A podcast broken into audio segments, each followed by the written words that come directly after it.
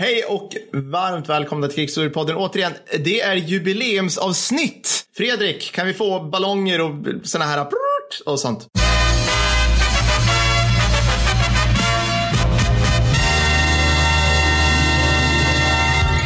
Bra, tack. Mattis, du är här. Jag är här. Är- Betyder det här, det, det är tionde avsnitt vi spelar in nu, betyder det här att vi är poddveteraner och kan börja ta ohemult med betalt för att föreläsa om hur man blir influencers? Precis. Ja, gärna på någon så här ABF-hus eller någonting. Alltså, ri- riktigt jäkla grå, eh, vad är det de heter? Men De här riktigt grå Folkets hus-lokalerna som bara består av tegel och eternit. Liksom. Alltså Ja. de. Man, man kommer in där, känner smaken av dåligt pass, eh, kaffe, Ja. känner liksom livsviljan dö ut helt och hållet. Dit ska vi. 37, 47, 57-åringar som sitter och lyssnar på oss, dittvingade från kommunen. Precis. Så blir ni influencers. Så blir ni influencers. Det finns inget jobb kvar här i Nässjö, men de här killarna ska lära er hur man tjänar sjukt Nej, mycket nej, du är pengar. redo för det här nu. Du kan också bli militärhistorisk influencer på pengar från Bofors, Armalite och allting annat. Ja, ja, som bara rullar in. Det, det är roligt det där förresten. Jag, jag, har haft, eh, jag har haft typ fyra, fem personer angående våra reklamer som, inte, som, som har ringt in och undrat liksom, hur får jag nu tag på de här automatkarbinerna som ni saluför. Det, vi har också salufört kärnvapen och Jajamän. slavar. Mm, och Så att, slavar. eh, Mm. ja, så vi gör det bra, det är uppenbart. Ja, uppenbart. Folk, folk kanske inte förstår att det är ironi. Eller alltså är det på riktigt människor som tror att vi, att vi kränger automatkarbiner? Eller Ja, slavar? ja, visst. Ja, alltså, just automatkarbinerna, jag, jag tror det, för det är tillräckligt nära någonting som skulle ändå kunna ske på något sätt. Alltså, jag menar, de flesta fattar väl att vi inte kommer någonsin sälja, ja men vad var det du sålde för oss, Tunga Gustav liksom. Ja, nej, precis. Nej, exakt. 712 ton järnvägskanon. Nej, Precis, fraktkostnad 49 kronor. Mm. Men, men eh, miljöfrakt. Ops. Ja. ja, till närmsta postenbud. Men, men jag tänker automatkarbiner är väl på något sätt nära, jag vet inte, det kanske är något sånt som någon skulle kunna tänka att ja men liksom inom rimlighetens ramar ändå, eller så. Ja, ja, det är sant. Vi har, vi har inte haft sommaruppehåll. Mattis, berätta hur bra det är att inte ha sommaruppehåll. Alltså till skillnad från andra vekare poddar så har ju vi bara pushat ut helt enkelt.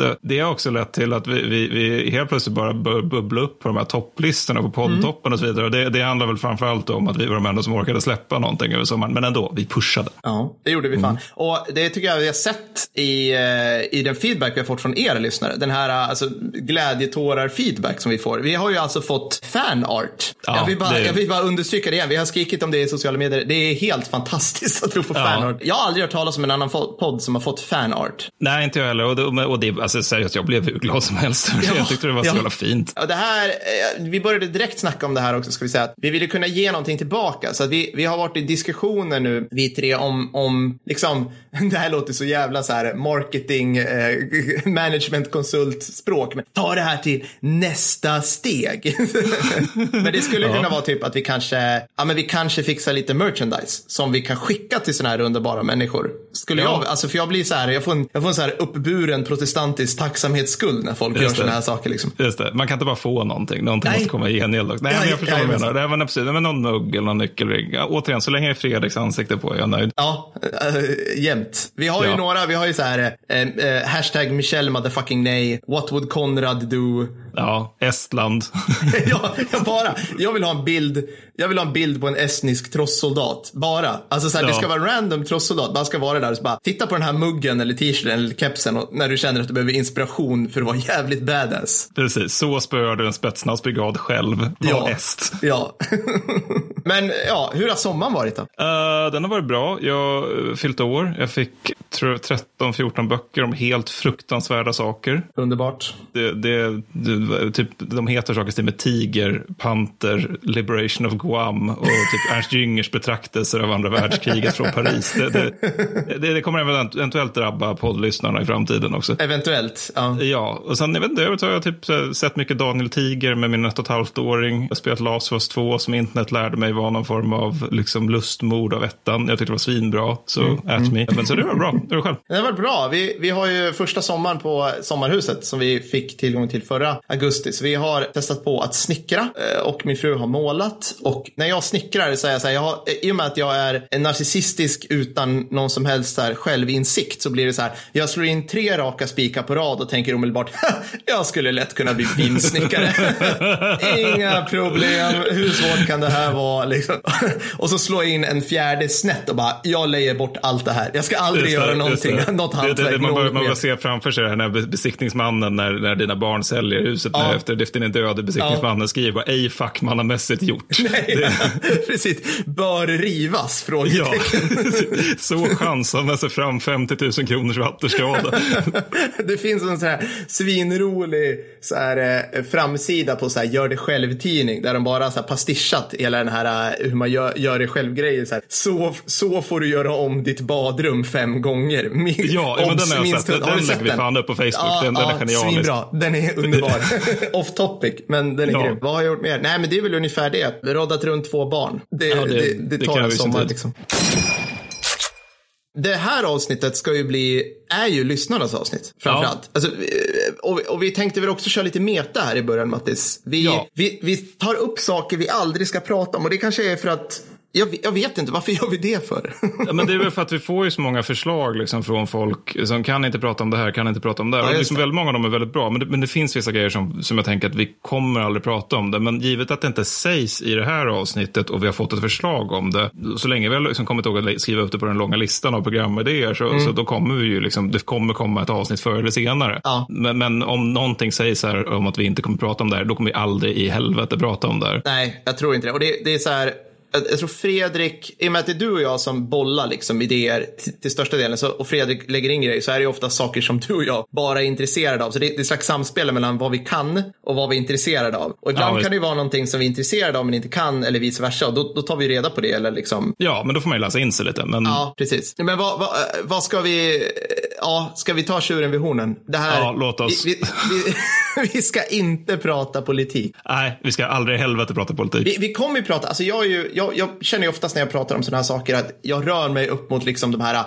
säkerhetspolitiska stratosfärerna ibland och vill liksom dra, dra stora växlar på liksom den, den, den essensen i den här folkgruppen. Nej, jag skojar bara. Just Nej, det, men ja. det är liksom eh, USA kontra Tyskland på nationella nivåer. Men, men vi Precis. ska inte Kroater trivs bäst i 37 graders värme och sånt där. Ja, ungefär sådana saker. Ja. Men vad, annan politik ska vi inte prata om. Och, Ja, men så dagspolitik, det, alltså, da, svensk dagspolitik, det går nej, ju liksom inte. nej, gud jag nej. menar, vad anser du om mina politiska värderingar? Ja men alltså Mattis, du är ju en, en tvättäkta kulturmarxistisk postmodern kryptokommunist. Exakt ja. Eh, ja. ja, och jag är då en... eh, Ja, du är ju snarare någon form av så här, förfinad pöbelhöger som måste börja inse att hysterikerna på Svenska Dagbladets ledarredaktion inte är någonting att lyssna på. Och sen har vi då Fredrik. Liksom. Alltså, det, Ja. det är ju, enligt Fredrik så vill ju jag egentligen förbjuda ägande. Medan Ja, Fredrik enligt mig vill privatisera allt från Försvarsmakten till liksom, riksdagen. Ja. Så att det, det går ju liksom inte. Det skulle Nej, inte bli någon bra podd. Jag tror, jag tror att jag och Fredrik, eller du tror att jag och Fredrik är liksom, Fredrik är den här, så här hysteriska Anders Borg i unga år, dödsliberalisera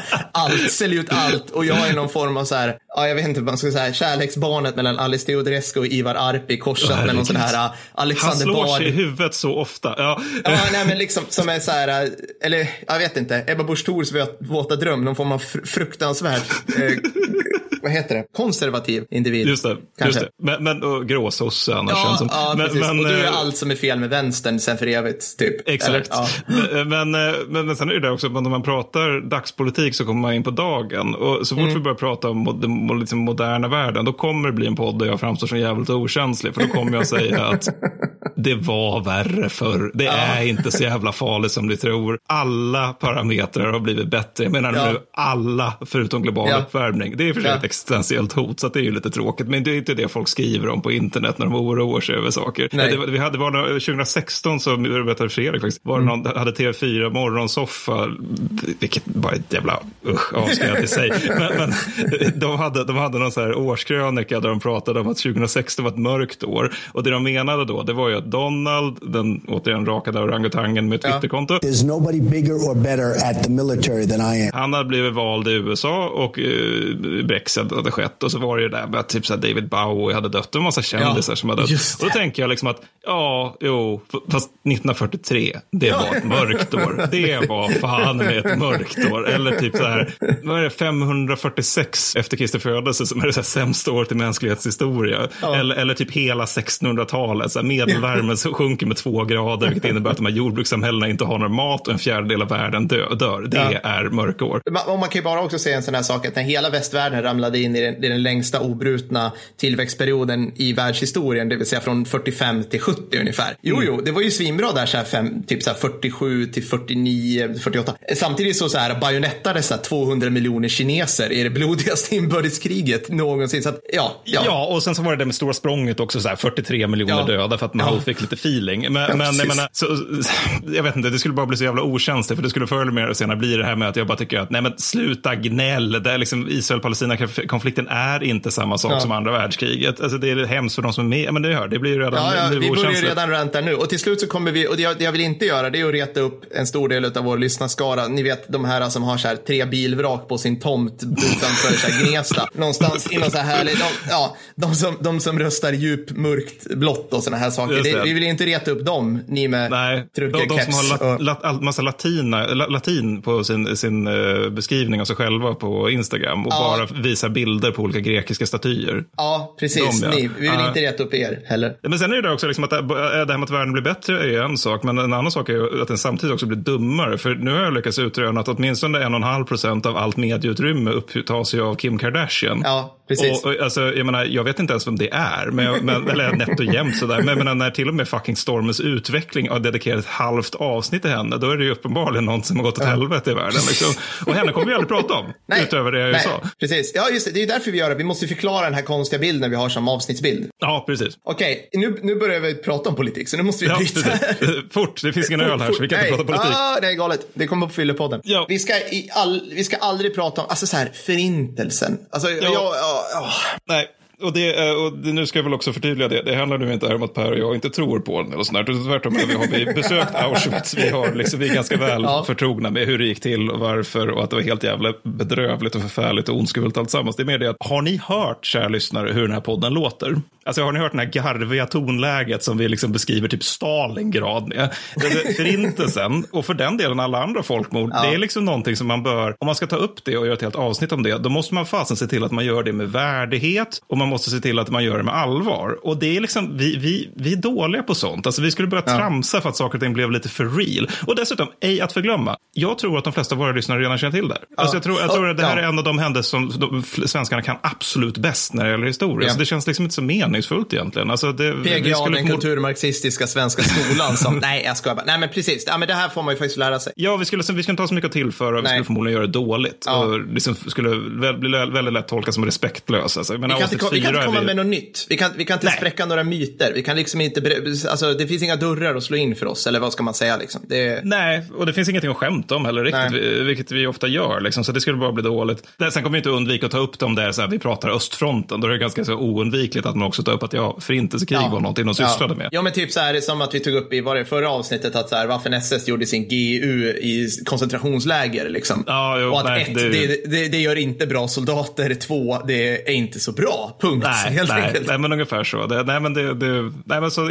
folkmord kommer vi nog undvika i största allmänhet tror jag. Mm, jag tror det. Dessutom, så du, som du sa när vi snackade om det här, men vi är båda pappor. Man blir jättekänslig då. Ja, oh, gud. Ja, oh, oh, fy fan. Jag, jag, jag, känner inte att jag riktigt har liksom bålsen att gräva ner mig i sånt här längre. Det, det, det är för bedrövligt. Ja, usch. Ja, vi lämnar det, som sagt. Ja. Nu blev det dålig stämning. Nu däremot ska vi, ska vi göra en del av vår, säkert så här, jag tror vi, vi har två punkter kvar som vi alltid ska prata om. Vi kommer att göra den ena 50, ena 50 procenten förbannade och den andra 50 procenten irriterade för att vi inte fattar grejen. Och första vi ska snacka om, det är, som vi aldrig ska prata om, det är typ antiken innan Rom. Och jag bara, åh, det är så. Alltså, ja, men så här, parternas förflyttningar, någon så här västgotiska tidiga, den persiska kungalängden och någon jävla stenstod och de här, så här teletubbies till arkeologer som mumlar runt där och liksom så här, man ska, som du sa, man ska gå igång på någon krukskärva och liksom, åh, det här var ett imperium. Ja, men där ser man vakt ett öra liksom. Och det, ja. det är liksom så här historievärldens svar på Oompa Loompas liksom, som har lyckats krafsa fram det med mårhårspenslar liksom. Men sen har vi nästa grej, Egypten. Ja, fy fan. Alltså, Alltså, det, liksom, det, det här med de, de som höll på att gräva ut eh, pyramiderna på 1800-talet, Ja. de som höll på med det, inte ens de var intresserade av Egypten. De gjorde det, är jag övertygad om, och allt pekar på det, av ren så här hipsterdekadens. Liksom. Det, det är som inte ens de tyckte var kul och de mådde dåligt och skämdes för resten av sina liv. Det Ja. vet alla. Ja. kommer aldrig prata, jag menar, det är så, vi heter krigshistoriepodden, vad Ja. fan ska vi göra med det här? Men alltså, det är 200 pers som dy- dyker upp här, de har rustningar av vass.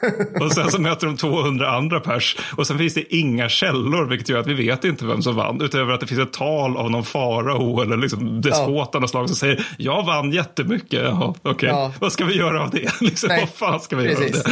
Och det, är förmodligen liksom innan, liksom pöbelhordar som gick runt och så nedtecknat på papyrus hur de såg ut. Och man bara, nej, alltså det här är inte kul. Och det, det, är, så, det är så långt tillbaka att de, vad ska man säga, de ringarna på vattnet därifrån har ju liksom försvunnit, ebbat ut. Liksom. Det, alltså, nej, det, det det för lite. För konstigt på något sätt. Ja. Liksom, alltså att det, det, det är så länge sedan att folk nästan är utomjordingar. Liksom. Man har Ja. liksom så här, assyriska imperiet, ja, vad, vad, vad gjorde, rådde de sig med? Ja, de flådde folk levande i typ 500 år. Det var det de gjorde. Och sen så hade de, jag för mig att de hade, var de som var först ut med bronsvapen också. Vilket på den här tiden var som att dyka upp till en knivfight med ett hangarfartyg. Och det är liksom, men det är också så en låg nivå på all teknologi. Så att det blir liksom, nej jag vet inte fan. Alltså, för jag, jag träffade en historiker av facket som hon tyckte att, ja men det borde ni ju prata om. Det är ju första lagen kommer ju där i Åh. Mesopotamien. Så bara, Ja, jo, absolut, jätteimponerande. Det var alltså några som lyckades snubbla över idén att vi är en större grupp människor och nu ska vi nu formalisera i skrift hur den här större gruppen människor ska bete sig och inte bete sig. Alltså alla kulturer som har lyckats uppfinna bröd har kommit på den idén.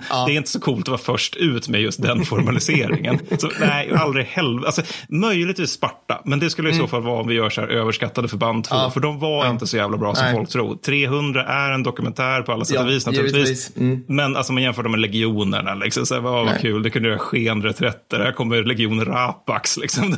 nu, ska ni, Ja. nu blir det åka av pojkar. Ja, men, och, samtidigt, vi, vi tog ju upp ett möjligtvis undantag och det kan ju vara Alexander den store. Det, det är precis Ja. innan Rom, men det är samtidigt så här, ja men han ärvde hela skiten och det, det var liksom så ren tur att stjärnorna ställde sig precis rätt för att hans farsa Filip den någonting hade liksom Andre. organiserat det här rätt. Och sen ger sig Alexander iväg och invaderar länder vi aldrig brytt oss om, där det bor liksom stammar som har stenåldersvapen och så typ så här till Indien. Och det första som hände efter att han typ super ihjäl sig, malaria, whatever, det är att hela skiten kollapsar. Alltså det finns, och det finns liksom ingenting, ja, men det, han hade någon form av det, här, den macedonska falangen. Ja, det är också så här, ja men det är coolt, ni ställde en grupp människor med spjut tillsammans. Det är, också, det är, som, det är som du säger, det är ungefär som den första lagen. Rätt många kom på det sen samtidigt. Det var en bra grej ett tag. Sen kom man på att det fanns saker som typ kavalleri, projektilvapen. Jag bara, ah, Legionärer. Ja, så Ja, men sen också att det, det, är som, det, är som, det är också en historia som nog jag tror typ alla som är lite intresserade av, av historia vet. Det är liksom Mm. den unga Alexander, han rider ut, han spöar alla, han slår av den gordiska knuten, hans armé Mm. säger vi vet inte vart vi bor längre, nu vill vi gå hem.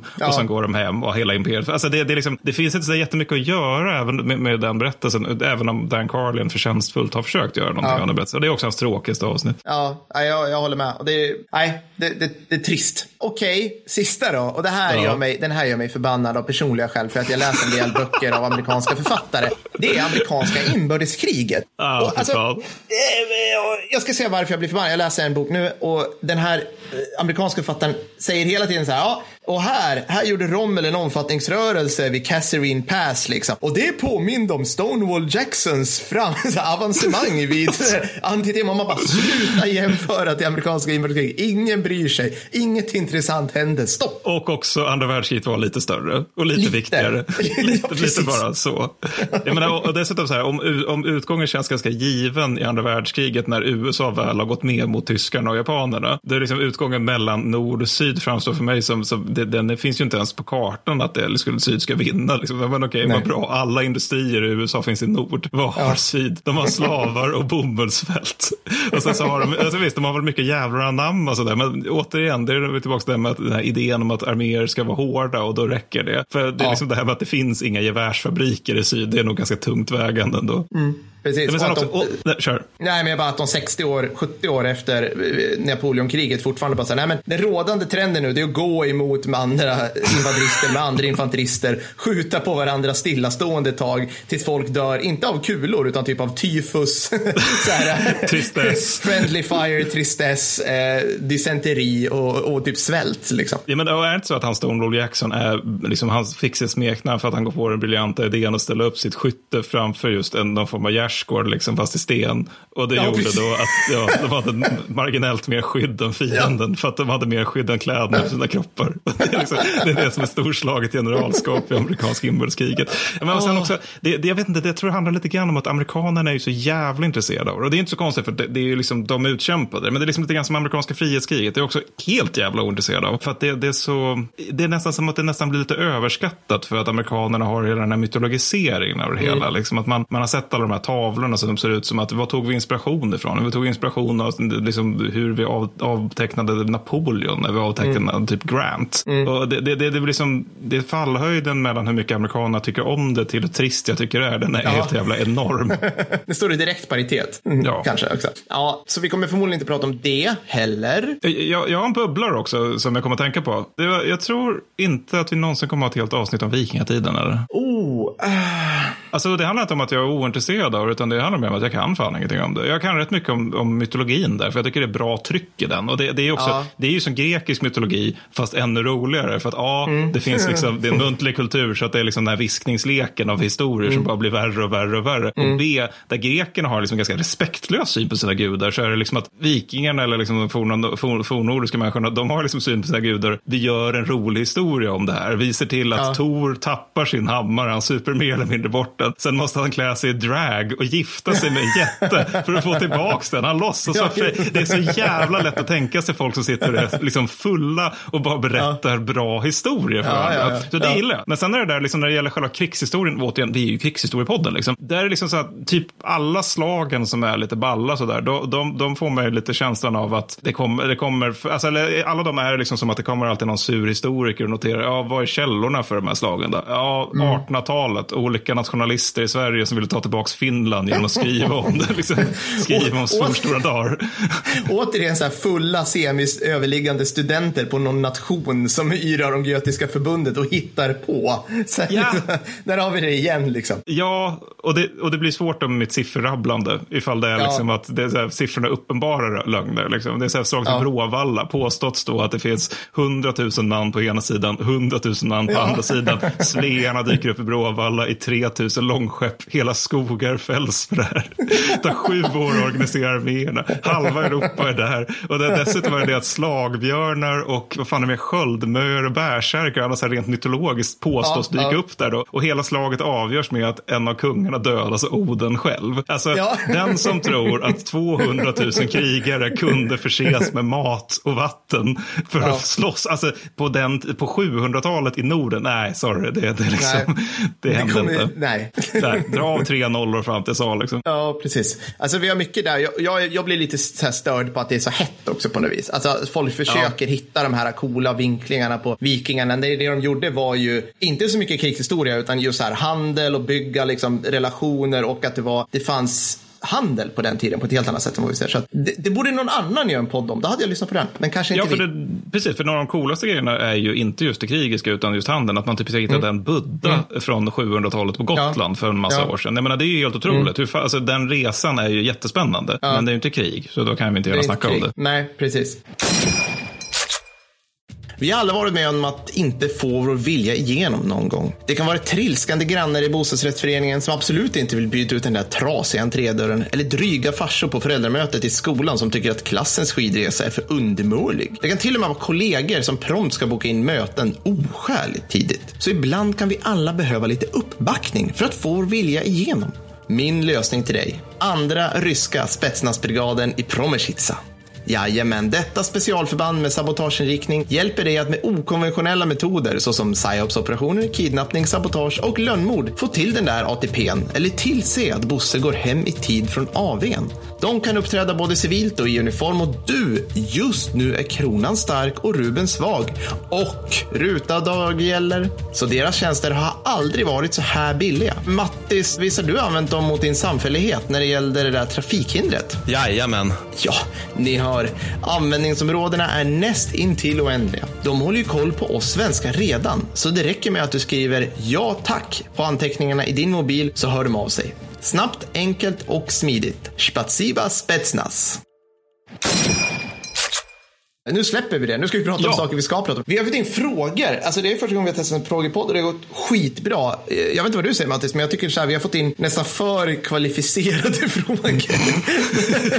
alltså det, är så här, då, det, det är verkligen jättebra frågor där jag känner så här, jag vet inte. eh, ska jag googla det här eller hur ska jag svara på den här? Liksom. Ja, men också att många av dem är liksom så komplicerade att det är, så att det är en jättebra fråga, men det är ett avsnitt. Ja. Inte liksom att vi kan svara på den på fem minuter. Nej, vi, vi har väl en del, en kategori kan vi ta direkt och det är liksom den här what if-kategorin där ni frågar oss liksom, hur hade ni, eh, vad hade ni gjort i början av andra världskriget för att förändra det största? Och ni, ni har sådana där, att skulle, vad hade hänt om Sverige hade tid i andra världskriget på vilken sida? Och det där tar vi nog någon gång i, tror jag. Men, eh, men inte nu. Nej, nej, men alltså grejen att jag, jag gör gärna what if-poddar. Alltså, Ja. Jag ju pluralform, där, alltså, mer än en gärna, för det är ju ett jättespännande ämne. Liksom. Alltså Mm. givet att det inte är vad hade hänt om Napoleon hade haft liksom, B52 bombplan vid Waterloo. Ja, det, det hade nog blivit en annan, annorlunda utgång, men det är inte så Mm. Ja, troligt. precis. Men då hade jag kommit så här, men hade han bränsle till dem? Vem skulle flyga dem? Det fanns inga, fanns inga flygfält på 1800-talet, Mattis. Va? Va? Han har Va? bara planen, men inte liksom de Ja. logistiska förutsättningarna för Ja, Exakt. Det var som det What If som naturen Tyskland vinner 1914. Den, den, Ja, den är precis. ju roligare. Ja. Liksom. Eller den, den, Den är den känns mer plausibel. Ja, men du, vi kastar oss in i det här så vi har tid för, för våra lyssnare också. Alfred Lind frågar oss om mest sevärda krigsfilmer. Ja, och det är ju en skitbra fråga. Ja, Inte minst för att vi har liksom snackat skitmycket om hur filmer skildrar saker Ja, precis. I tidigare poddar, nota bene. Men det finns att lyssna på om man vill. Alltså, jag vill ju direkt säga, så fort någon frågar mig om krigsfilm så vill jag verka lite smart, men jag tycker den är så jävla bra också. When Trumpets Fade. Som den- handlar, alltså, vi, vi har en tes som vi kommer till, eh, att, eh, som vi ska prata om, och det är det här liksom, att länder som förlorar saker och ting gör de bästa krigsfilmerna av de händelserna som de förlorade. Nästan utan undantag. Och When Trumpets Fade handlar ju om det här jävligt otrevliga eh, offensiven genom Hurtge, Hurt, Hurtgenskogen som eh, jänkarna gjorde i slutet av 44 som är ett shit show av Guds nåde och fram, liksom, det får Torch och liknande fadäser att framstå som så här, genialiska banbrytande offensiver utan motstånd. Liksom. Den, ja, den är piss. Men, men är det också att det, det var typ du som beskrev den som att det var någon som har sagt att det är typ Passchendaele fast med träden står fortfarande upp. Alltså att det är liksom Ja. en av de vanligaste skadeorsakerna är träsplitter. Ja, det är helt sjuka grejer. Alltså, när man läser den, eller förlåt, man ser den filmen, jag har ju läst böcker om det här också, så nu, nu, kommer, jag, nu kommer jag förvirra er kanske lite grann. Men, men när man, man läser om det och tar, tar del av det så är det, det, det är ungefär, vi förstår man, man förstår hur sinnessjukt krigstrött den amerikanska nationen hade börjat bli. Och hur, vilken, vilken industri det var att få fram soldater. Samt hur, hur, vilken låg nivå det var på de här soldaterna. Alltså allting jävla som... höga förlusterna också. Alltså, Alltså, för det är amerikanerna. helt Det- sjukt. Ja, men det, ja det, den är också på något sätt den, den närmsta jag kan komma på en amerikansk krigsfilm som har den här grimdark-faktorn så- som är liksom eh, tysk krigsfilm brukar ha annars. Ja. För, för, för det är typ den och The Pacific som jag kan komma på som är verkligen så här, man verkligen grottar ner sig hur satans eländigt Mm. det här är. För att då kan kanske någon tycka att jo, men Rädda Menenger Ryan och, och, och um, Band of Brothers, det, det är också Mm. filmer där man får se liksom det brutala i krig. Ja, fast dels då att den här brutaliteten är framförallt riktad mot fienden. Liksom, att man Mm. ser fienden dö på slaskiga och hemska och brutala sätt. Och det andra är också att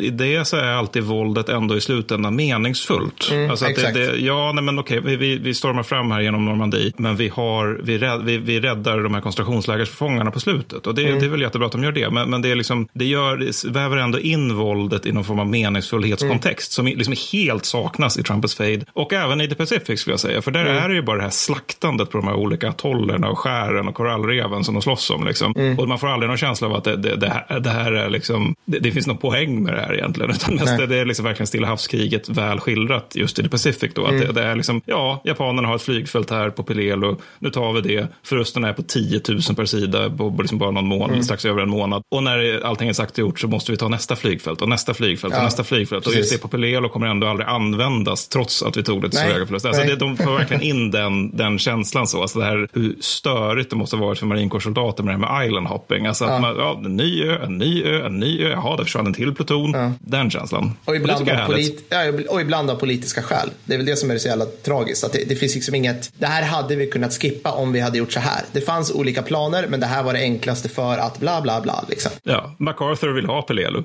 Ja, typ så.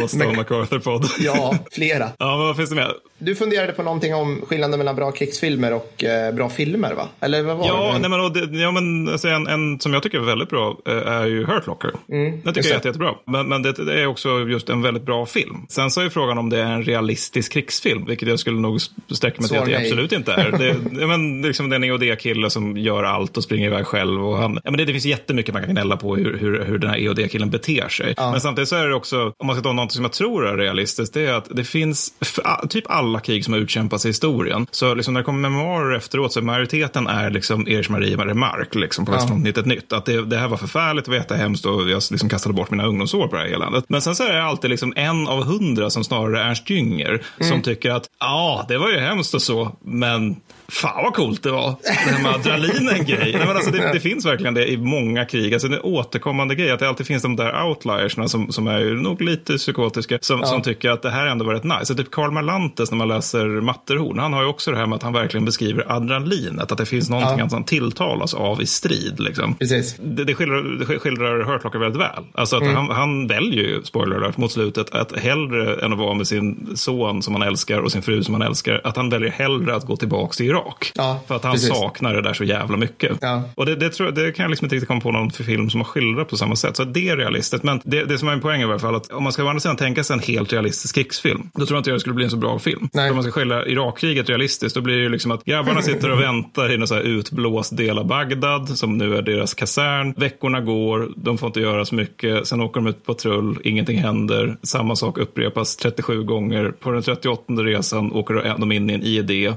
De ser aldrig av fienden fienden. Tre killar skadas så svårt att deras ryggrad aldrig någonsin kommer gå använda igen.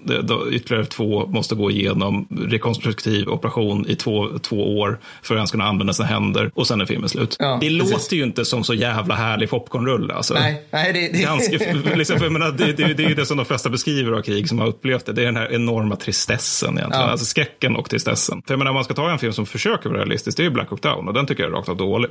Mm, och där håller ju inte jag med dig. Eller, Nej. Så här, jag, jag, jag, tror man, vi diskuterade det här förut också. Så här. Det är en bra köttig actionrulle där man inte, man, man ser men problemet är att man förstår inte hur mycket åt helvete det har gått för, förrän i vissa få scener. Och det är de här scenerna där de filmar inifrån ledning, eh, vad ledningsstaben. Där den här Colonel Garrison du, du, du, och de tittar på varandra och bara oh shit, händer det här? Vad gör vi nu? Och liksom omfallsplaner. Medan när man väl är i gyttret, då är det våra normala så här, amerikanska G.I. Joes hjältar och Delta Force och sånt där som bara springer runt och bara skändar ja. like they do. Så att, liksom varje amerikansk ja. soldat kostar en miljon dollar. Eller de kostar liksom som Mogadishu kostade att bygga mm. mot mm. liksom, ansiktslösa horder. Jag, vet mm. inte, det blir inte så spännande om jag ska vara helt ärlig. Nej, det, eller, eller, det, finns, det finns en jättebra scen och det är den här när de, när de faktiskt är avskurna. För då får man ju liksom eh, en uppfattning om hur illa det är. Liksom, ja. De är avskurna och en kille har fått något köpnell i, i låret och de måste göra liksom artäroperation. Alltså,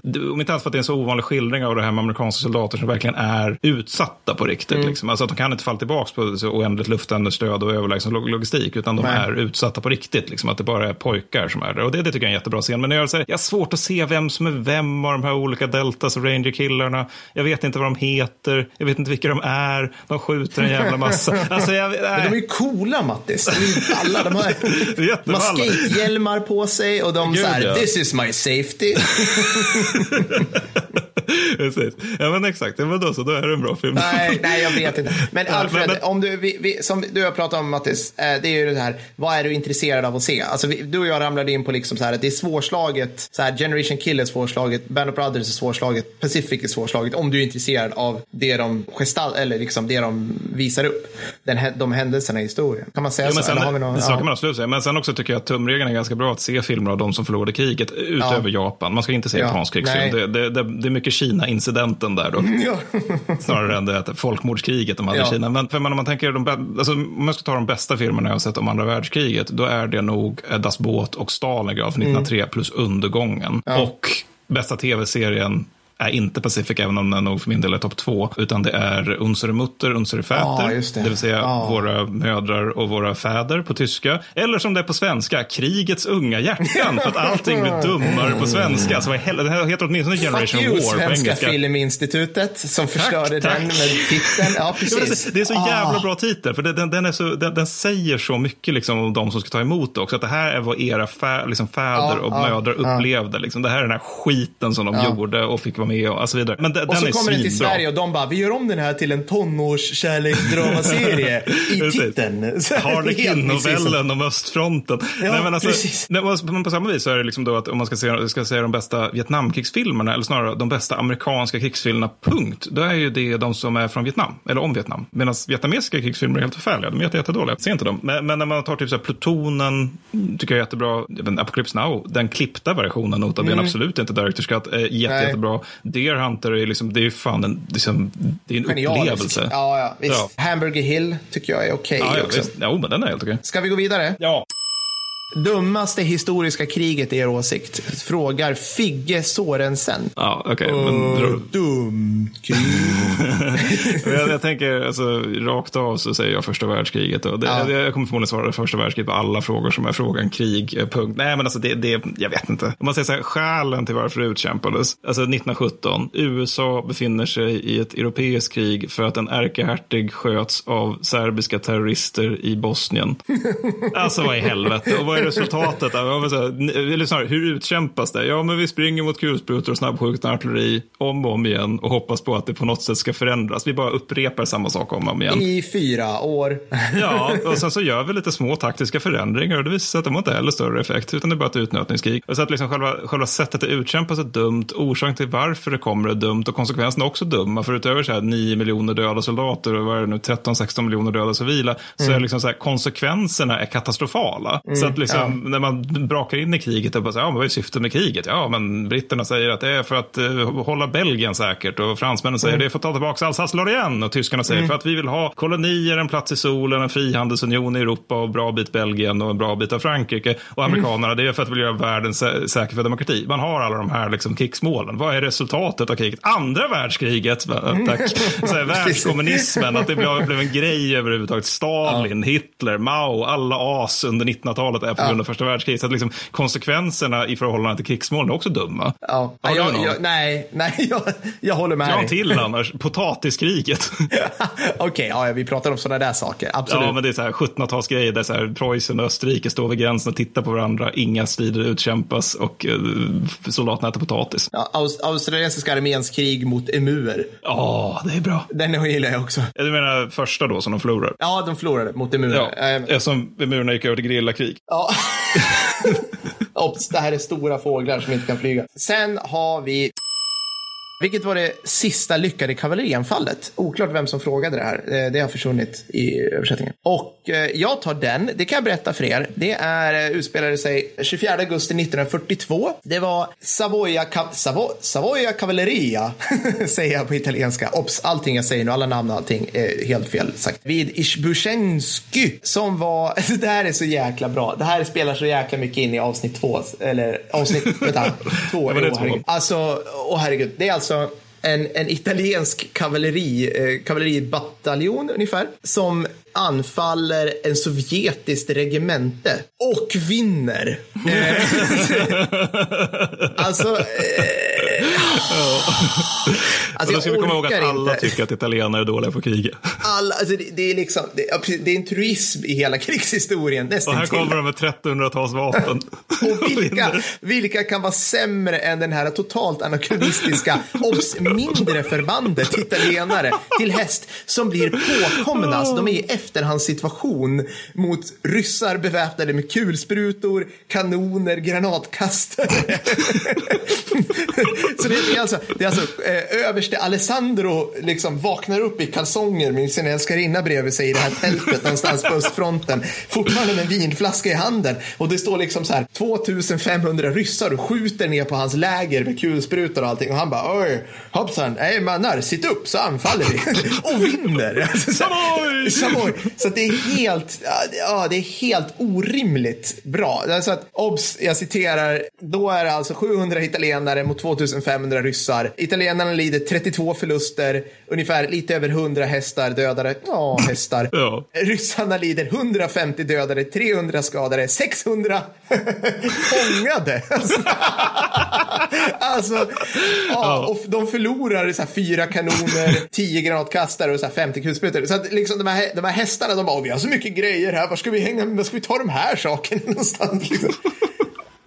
Så det var det sista lyckade. Alltså, det, Jag, jag tror, att, jag tror ja. någon riktigt Petter på Twitter, för det känns som en typisk Twitter-grej Ja, att ta upp. Men någon riktigt Petter på Twitter kommer ju ta upp eh, det här som filmen 12 Strong är baserad på. Ja, mm, Det kan bli i alla you. fall i Afghanistan. Där, där förflyttade de sig på hästar, de stred inte på hästar. Exakt. Det huvudsakliga sättet för de stred, det var att ligga på någon så här bergshöjd långt bort och leda in flyg mot talibaner. Mm. Ja.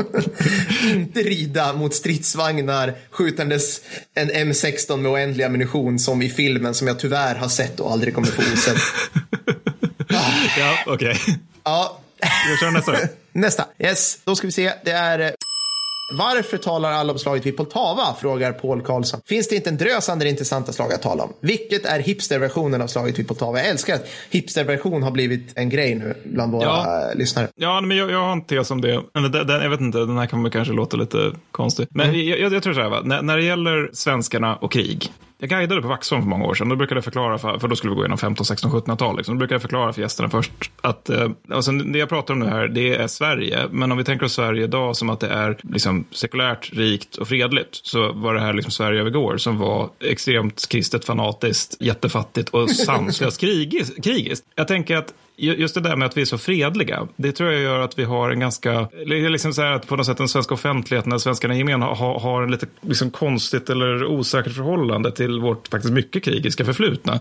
Bara, bara sådana saker som att moderna nationalister, eh, de älskar ju två länder, alltså moderna svenska nationalister. Det ena är ju Danmark, det vill säga arvsfienden, det andra är Ryssland, ärkefienden. Eh, Ja. Men, men det gör liksom att vi, om vi nu ska ta upp ett slag som, eh, från vår historia, då blir det nog det vi förlorade. Eftersom det, då blir det tydligt hur värdelöst det är med krig och att hur dumt det är att kriga. Och att vi sedan efter det, för att citera Göran Persson, allfadern, har, eh, har valt freden. Eh, Till skillnad från, till skillnad från Polen då, får man väl anta. Men, Som eh, valde kriget under andra världskriget. Tråkigt polacker. Välja att bli invaderade från två håll, 39. Ja, varför Nej, gjorde ni det- så för? Ja. Nej, men alltså just den här, den här svenska lite pacifistiska draget tror jag gör att Poltava är ett ganska bra slag att ta som exempel. Kolla vad dumt det blir när man krigar. Man förlorar jättemånga pojkar nere i Ukraina av alla ställen, tror jag. Sen också är det väl det också att Poltava är väldigt tacksamt för den här typen av historieskrivning som är liksom lite lat. Att man försöker hitta avgörande slag hela tiden. Ja. Det är ju extremt ovanligt, har nätt och jämnt förekommit. Men Poltava närmar sig väl ändå det, för att det, det, är liksom, det är den här punkten där vi förlorar fältarmén. Vi kan inte upprätta en ny. Och det är liksom inte bara slutpunkten egentligen för stora nordiska kriget, utan för stormaktsväldet. Ja. Så man står där som gymnasielärare, vilket jag också har jobbat som, och ska liksom förklara för de här liksom nedhaschade tonåringarna som sitter där och kastar snus i taket. Liksom att,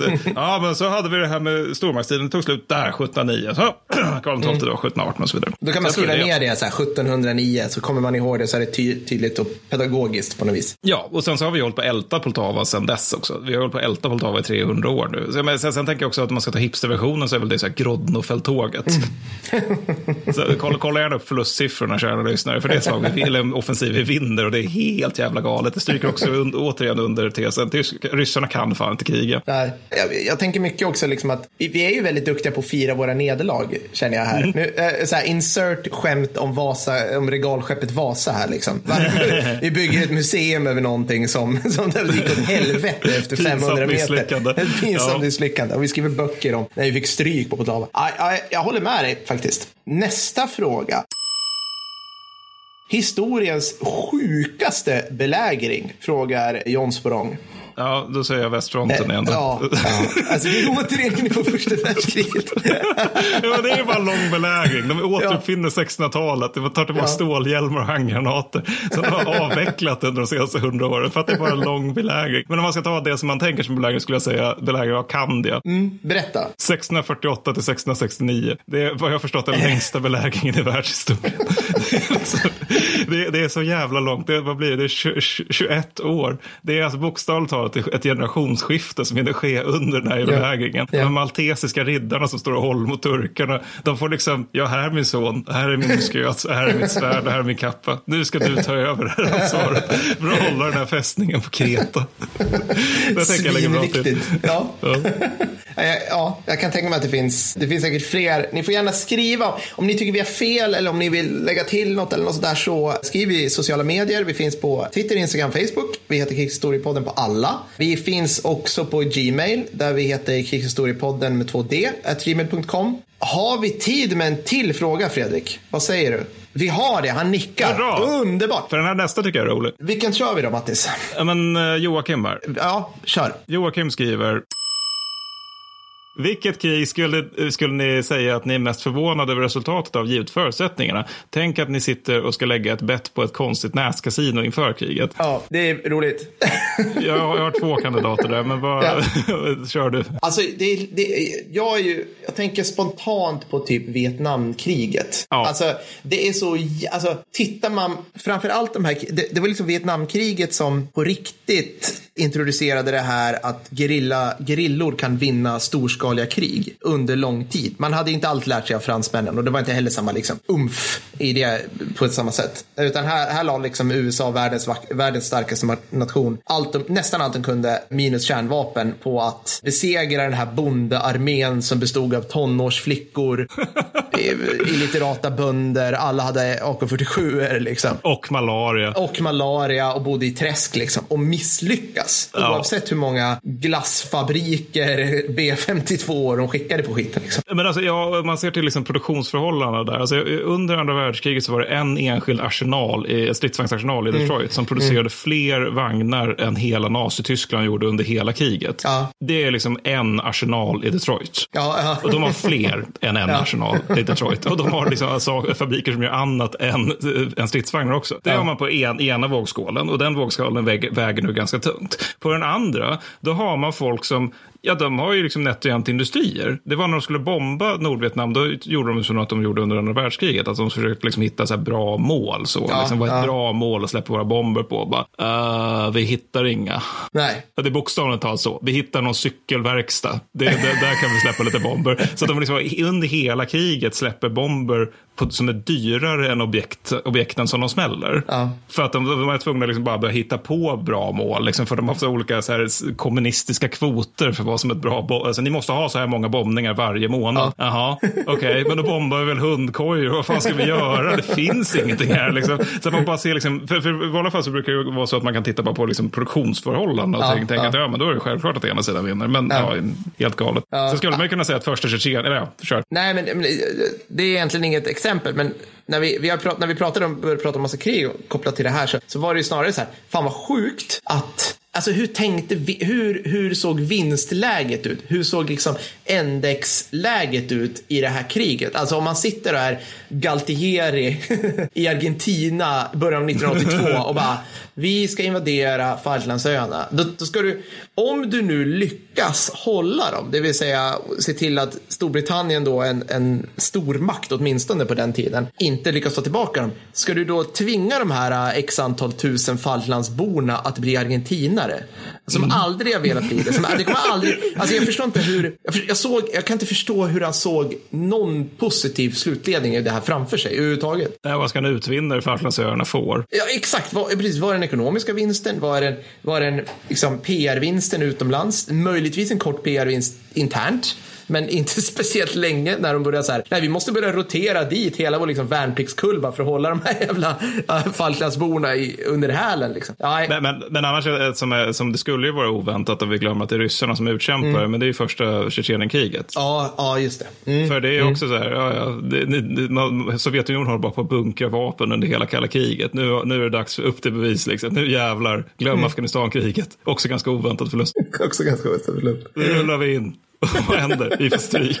Men det är ju ryssarna som utkämpar, så det är inte så Ja. oväntat trots allt. Men däremot det som är jävligt oväntat, det är ju, och det, det, det är nog så här 90-tals hipsterkrig, om vi har en sån podd så ska vi prata om det. Men det är ju första och andra Kongo-kriget, inte minst första. För alltså, då, då är det liksom Rwanda som anför och drar det tunga lasset i en koalition av andra mer eller mindre stora afrikanska länder. Och på, på andra sidan så är det dåvarande Zaire, det vill säga dagens Kongo. Och det vi måste komma ihåg Som är stort som typ hela Västeuropa. Alltså det är en liksom. tolfte del av Afrika. De har typ alla naturresurser i världen. Alltså det, jag tror att kobolt finns typ i Kongo och på liksom, eh, liksom det, sen där finns det under en shetlandsponny Ja. någonstans. Alltså det, det liksom, finns nästan bara där. Sen har vi å andra sidan Rwanda, stort som fucking örkeljunga och liksom har just genomgått ett folkmord. Ja. Där, på, liksom, där de folkmördade sig själva.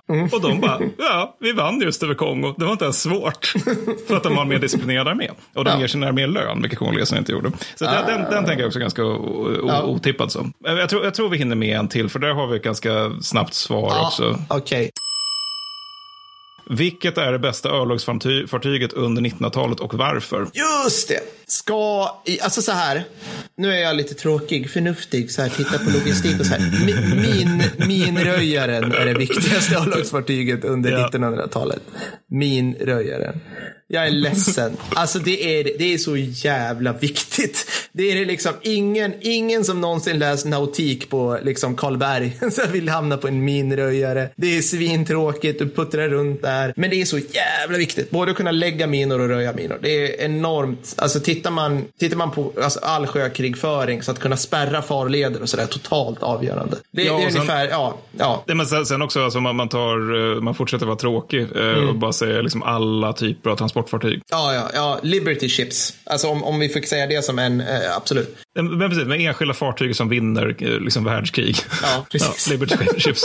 Eller liksom, men bara sådana här saker som att USA är ju, de tycker inte om att kalla sig själva för ett imperium och det är många liksom så här puckon som kallar dem för imperium Ja. av fel skäl. Men de är ju rent konkret ett imperium och de är då just ett havsimperium. Mm. Alltså de, de, de, de projicerar makt via att de har en stor flotta. Alltså man kan prata om flygvapen och så vidare. Jo, jo, men de, de där flygplanen bor på hangarfartyg och de där hangarfartygen kommer inte röra sig någonstans ifall det inte finns förrådsfartyg som kan förflytta saker och ting. Alla de här stridsvagnarna som byggdes i Detroit, de kommer aldrig till Europa eller Stilla havet ifall det inte finns transportfartyg. Nej. Sen måste man ju ha jagare och skit som försvarar dem naturligtvis. Men jag vet inte fan. Men annars, om vi ska ta de coola fartygen. Ja, men okej, jag, jag, jag kan dunka in två alltså bästa. Vi, vi har ju HMS Warspite som var med i både slaget om Jutland och eh, hela andra världskriget och har mest battle honors, jag vet inte hur jag ska översätta det, hela Royal Navy, som var med om allt i princip. Det är ett nice slagskepp. Jag har, tror jag har spelat det i World of Warships. Nej, men det är så här, jag gillade slagkapp jättemycket förut när jag var yngre. Jag läste skitmycket om det. Eh, sen dess har det blivit lite same old, same old. Det är jävligt, faktiskt rätt, eh, det är rätt känsliga vapensystem. Sjukt komplicerade känsliga vapensystem. Så det blir lite så här, ja ja, nej, den här granaten råkade slå ut den här eldledningscentralen, eller inte ens, eh, inte ens centralen, den där eldledningskikaren på den här dreadnoughten där. Och det gjorde att hela den här falangen av kryssar och slagkapp, fick vika undan. Och det är typ som, det händer inte så mycket just där. Så att, men det är ett coolt skepp i sig. Sen, alltså, ska man titta på något som, som var liksom epokgörande och gjorde en satans insats så är det ju USS Enterprise.